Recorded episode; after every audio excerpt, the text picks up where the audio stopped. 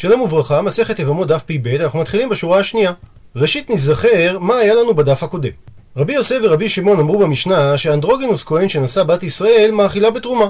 וריש לקיש העמיד שמדובר בתרומה בזמן הזה שהיא דרבנן, אבל בזמן חזה ושוק, שזה בזמן שבית המקדש היה קיים, הוא לא מאכיל אותה לא בתרומה דאורייתא ואפילו לא בתרומה דרבנן. וריש לקיש הוכיח את דבריו מהברייתא שאמרה עיגול בעיגולים עולה. דהיינו, עיגול של תרומה בעיגולים של חולים אחרים מתבטל. ולפי ריש לקיש, עיגול זה דבר חשוב שלא מתבטל, כי הוא גרס בדברי רבי מאיר, כל שדרכו להימנות מקדש, שדבר שבדרך כלל נמכר במניין ולא בעומד, אינו בטל.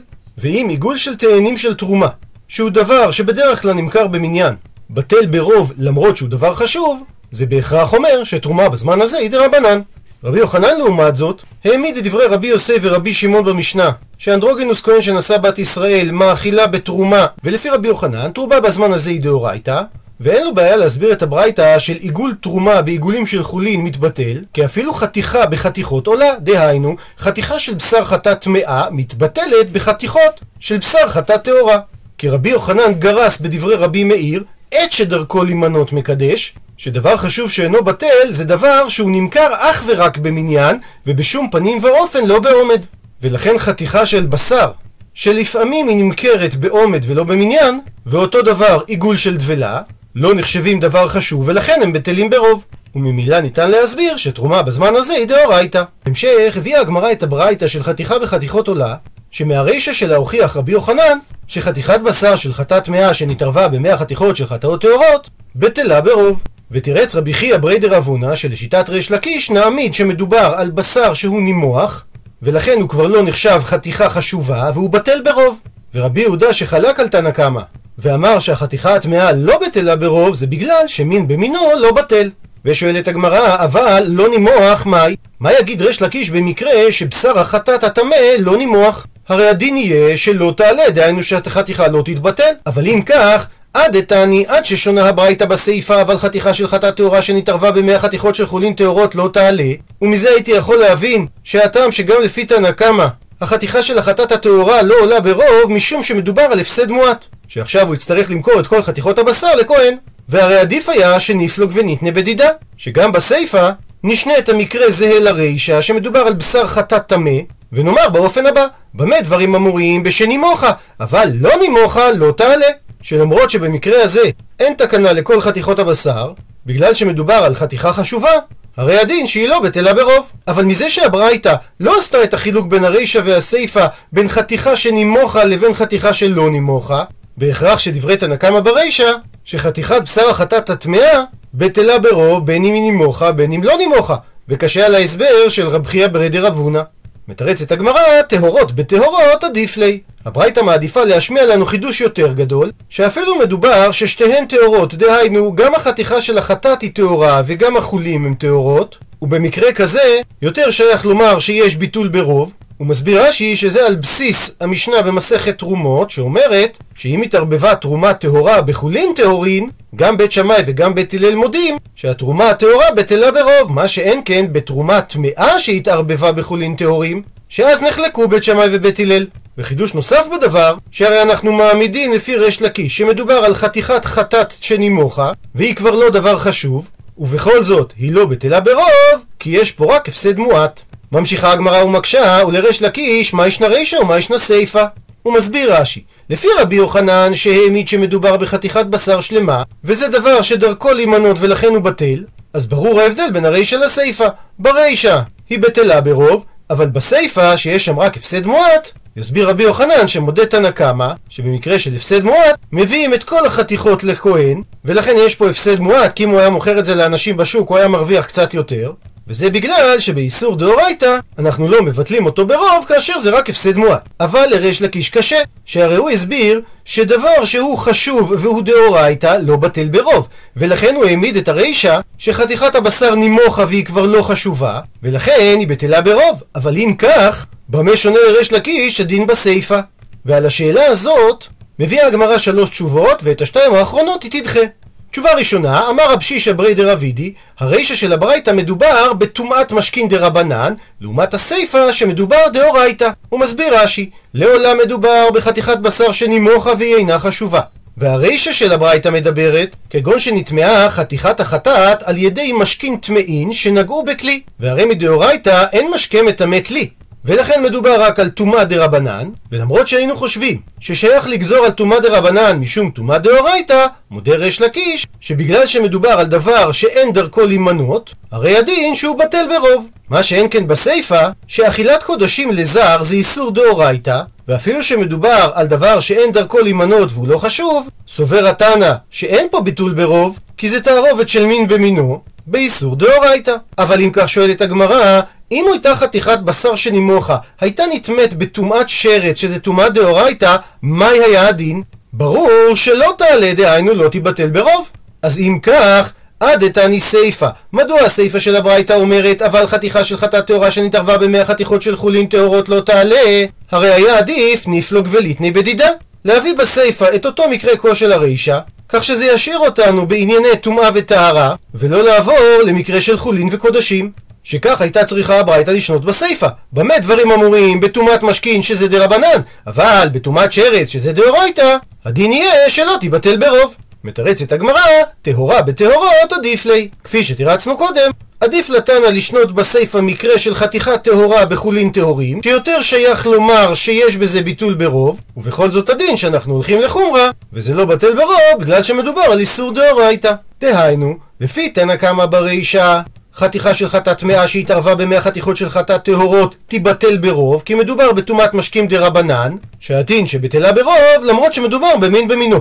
מה שאין כן בסיפא, תנא קמא מודה לרבי יהודה, שבגלל שמדובר באיסור דאורייתא, מין במינו אינו בטל. תשובה שנייה, רבא אמר, הרישא של הברייתא מדברת על איסור לאו, הסיפא של הברייתא לעומת זאת מדברת על איסור כרת. ולעולם מדובר על חתיכת בשר שנימוכה, והיא לא חשובה והיא יכולה להיבטל, והביטול ברוב תלוי בחומרת האיסור. שברישא מדובר על איסור לאו, שמי שאוכל בשר קודשים טמא עובר בלאו, שהרי כתוב, והבשר אשר ייגע בכל טמא לא יאכל.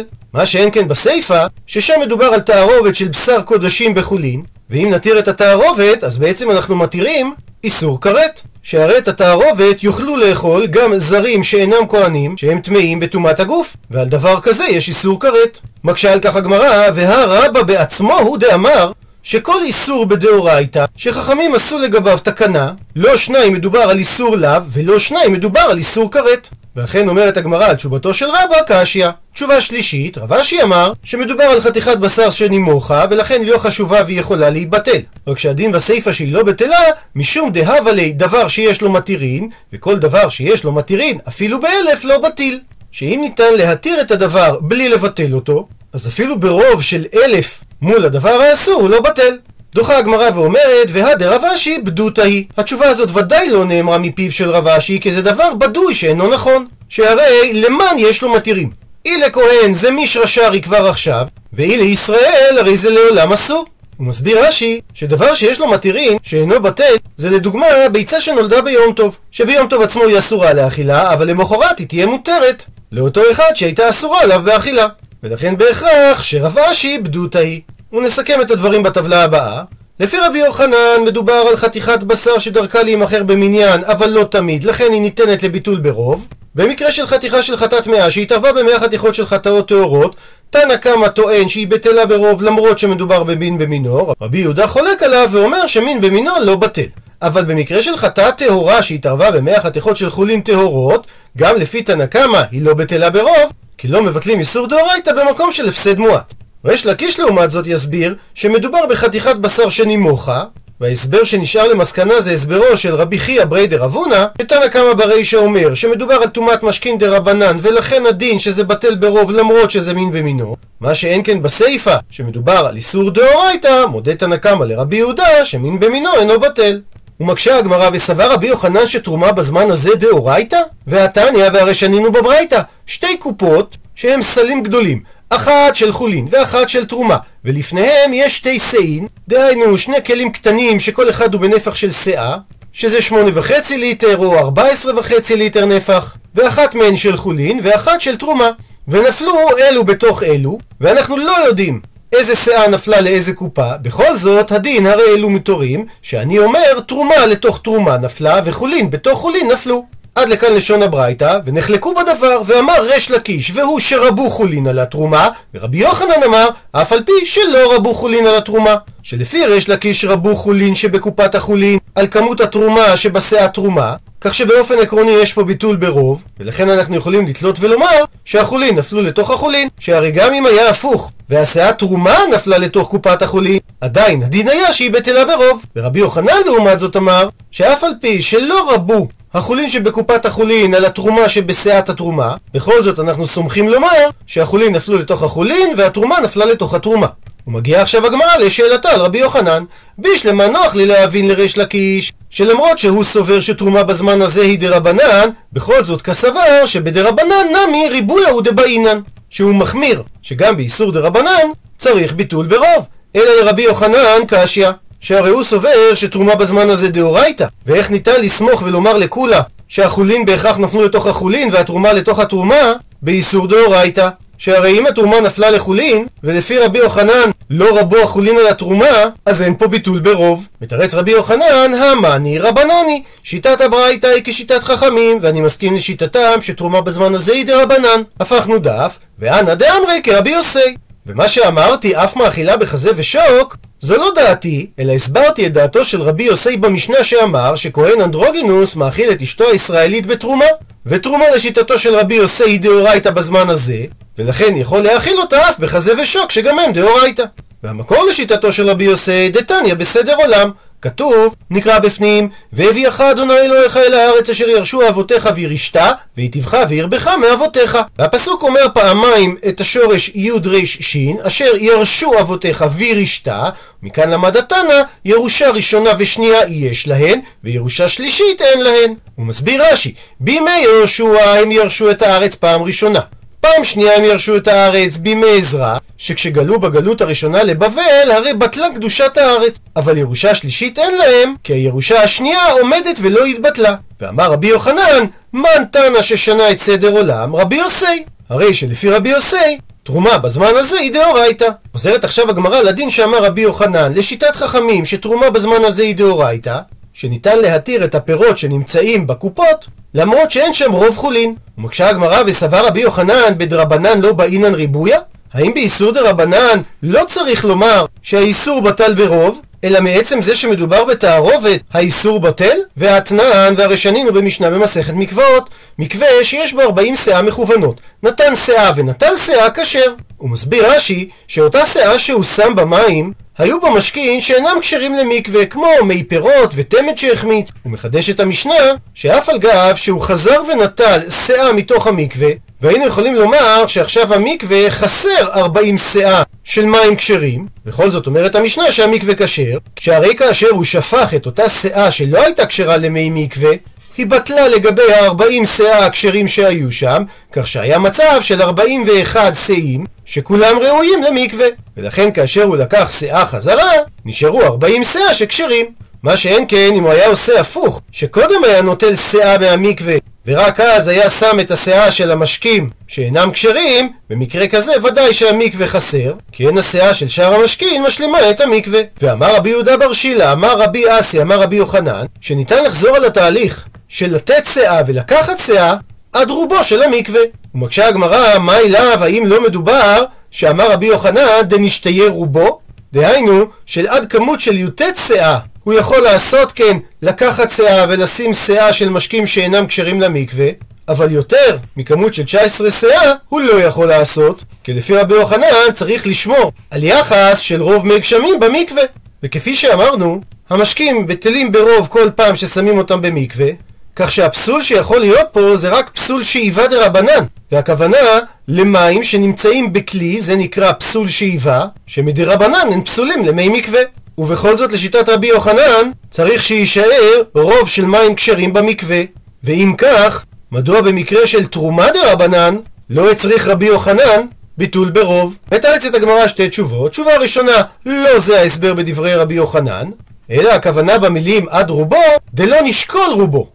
לא כמו שהסברנו שיישאר הרוב, אלא הכוונה שלא נוציא את רוב מהמקווה. מה שאומר שעד חצי מכמות המים במקווה ניתן להוציא. וזה תואם למה שאמר רבי יוחנן לגבי התרומה. והיא באי תימה, ואם תרצה תאמר תשובה אחרת, שאני הכא דאיכא למימור שאני אומר. הוא מסביר רש"י, שאכן רבי יוחנן מודה, שגם באיסור דה רבנן צריך ביטול ברוב. אלא שבמקרה של התרומה שהתערבבה בחולין, הסיבה שלא צריך ביטול ברוב, בגלל שניתן לתלות ולומר שהחולין נפלו לתוך החולין והתרומה לתוך התרומה, כך שבכלל אין כאן איסור. ורק במקום שלא ניתן לתלות באופן הזה, כמו במים שפסולים למי מקווה ונופלים לתוך המקווה והם ישר מתערבבים, אז שם חייבים לומר שצריך ביטול ברוב. הוא מצטט את הגמרא את משנתנו, תנן, אנדרוגינוס נושא. והלשון של נושא אישה, משמע לכתחילה הוא נושא אישה. זאת אומרת שלפי המשנה, אנדרוגינוס הוא זכר רגיל, ואם כך, קשה לריש לקיש, מדוע כהן אנדרוגינוס לא מאכיל בחזה ושוק? עונה על כך ריש לקיש, תני, תפרש שהמשנה התכוונה להגיד אם נשא, שיש לנו ספק אם אנדרוגינוס הוא זכר או נקבה, ולכן אם הוא נשא אישה, נחמיר שהיא צריכה ממנו גט. מקשה הגמרא, והנושא קטני. קשה להכניס את ההסבר הזה בנוסח המשנה, שהרי נושא זה במשמעות של נישואים לכתחילה. עונה ריש לקיש, ולטעמך, לשיטתך, שמהמילה נושא משמע שאנדרוגינוס הוא זכר ודאי, מהי משמעות לשון הסיפה של המשנה, אבל לא נישא? שהרי המשמעות היא שאפילו בדיעבד נישואי אנדרוגינוס אינם נישואים, אלא בהכרח תסביר מהי נישא דיעבד. ואם כך, גם כאשר אמרה המשנה בהתחלה נושא, נמי דיעבד אמרי. נסביר גם שמדובר במשמעות של אם נשא, דהיינו בדיעבד. דוחה הגמרא אמרי, לא ניתן להוכיח מהסיפא לרישא כמו שרצית לומר ריש לקיש, כי ניתן לפרש שהמשמעות של המילה נושא זה לכתחילה משמע, כי אנדרוגינוס נחשב כזכר ולכן נישואיו הם נישואים ודאיים, ומה שכתוב בסיפא, אבל לא נישא שהוא לא מתחתן עם איש, שאפילו בדיעבד, נמי לא. אין נישואיו נישואים. וממילא אומר רש"י שקשה על שיטת ריש לקיש שאמר שדנים על אנדרוגינוס כספק זכר ומדויק את המשנה כשיטת רבי יוחנן שמתייחסים לאנדרוגינוס כזכר ודאי. מקשה הגמרא והמי דקתני סיפא והרי מזה שכתוב בהמשך המשנה רבי אליעזר אומר אנדרוגינוס חייבים עליו סקילה כזכר אז ניתן לדייק מכלל דתנא קמא סיפוקי מספקא ליה שלתנא קמא שעליו רבי אליעזר חולק יש ספק האם אנדרוגינוס דינו כזכר או לא ואם כך משמע שתנא קמא הוא כשיטת ריש לקיש ולא כשיטת רבי אליעזר. מתרצת הגמרא בין למר בין למר מפשט פשיטא ליה. בין לשיטת תנא קמא בין לשיטת רבי אליעזר. פשוט שאנדרוגינוס הוא זכר ודאי. איכא בניו סקילה משני מקומות. יש ביניהם מחלוקת האם מתחייבים סקילה בביאה על אנדרוגינוס משום משכב זכר משני המקומות. גם מהזכרות שלו, שזה פי הטבעת, וגם מהנקבות שלו. דמר סבר שזה תנא קמא שחייבים עליו סקילה משני המקומות, ומר סבר שזה רבי אליעזר שחייבים עליו סקילה רק אם מדובר על ביאה כזכר, דהיינו רק ממקום הזכרות, אבל לא מתחייבים על סקילה עם בעל הדרוגינוס במקום הנקבות שלו.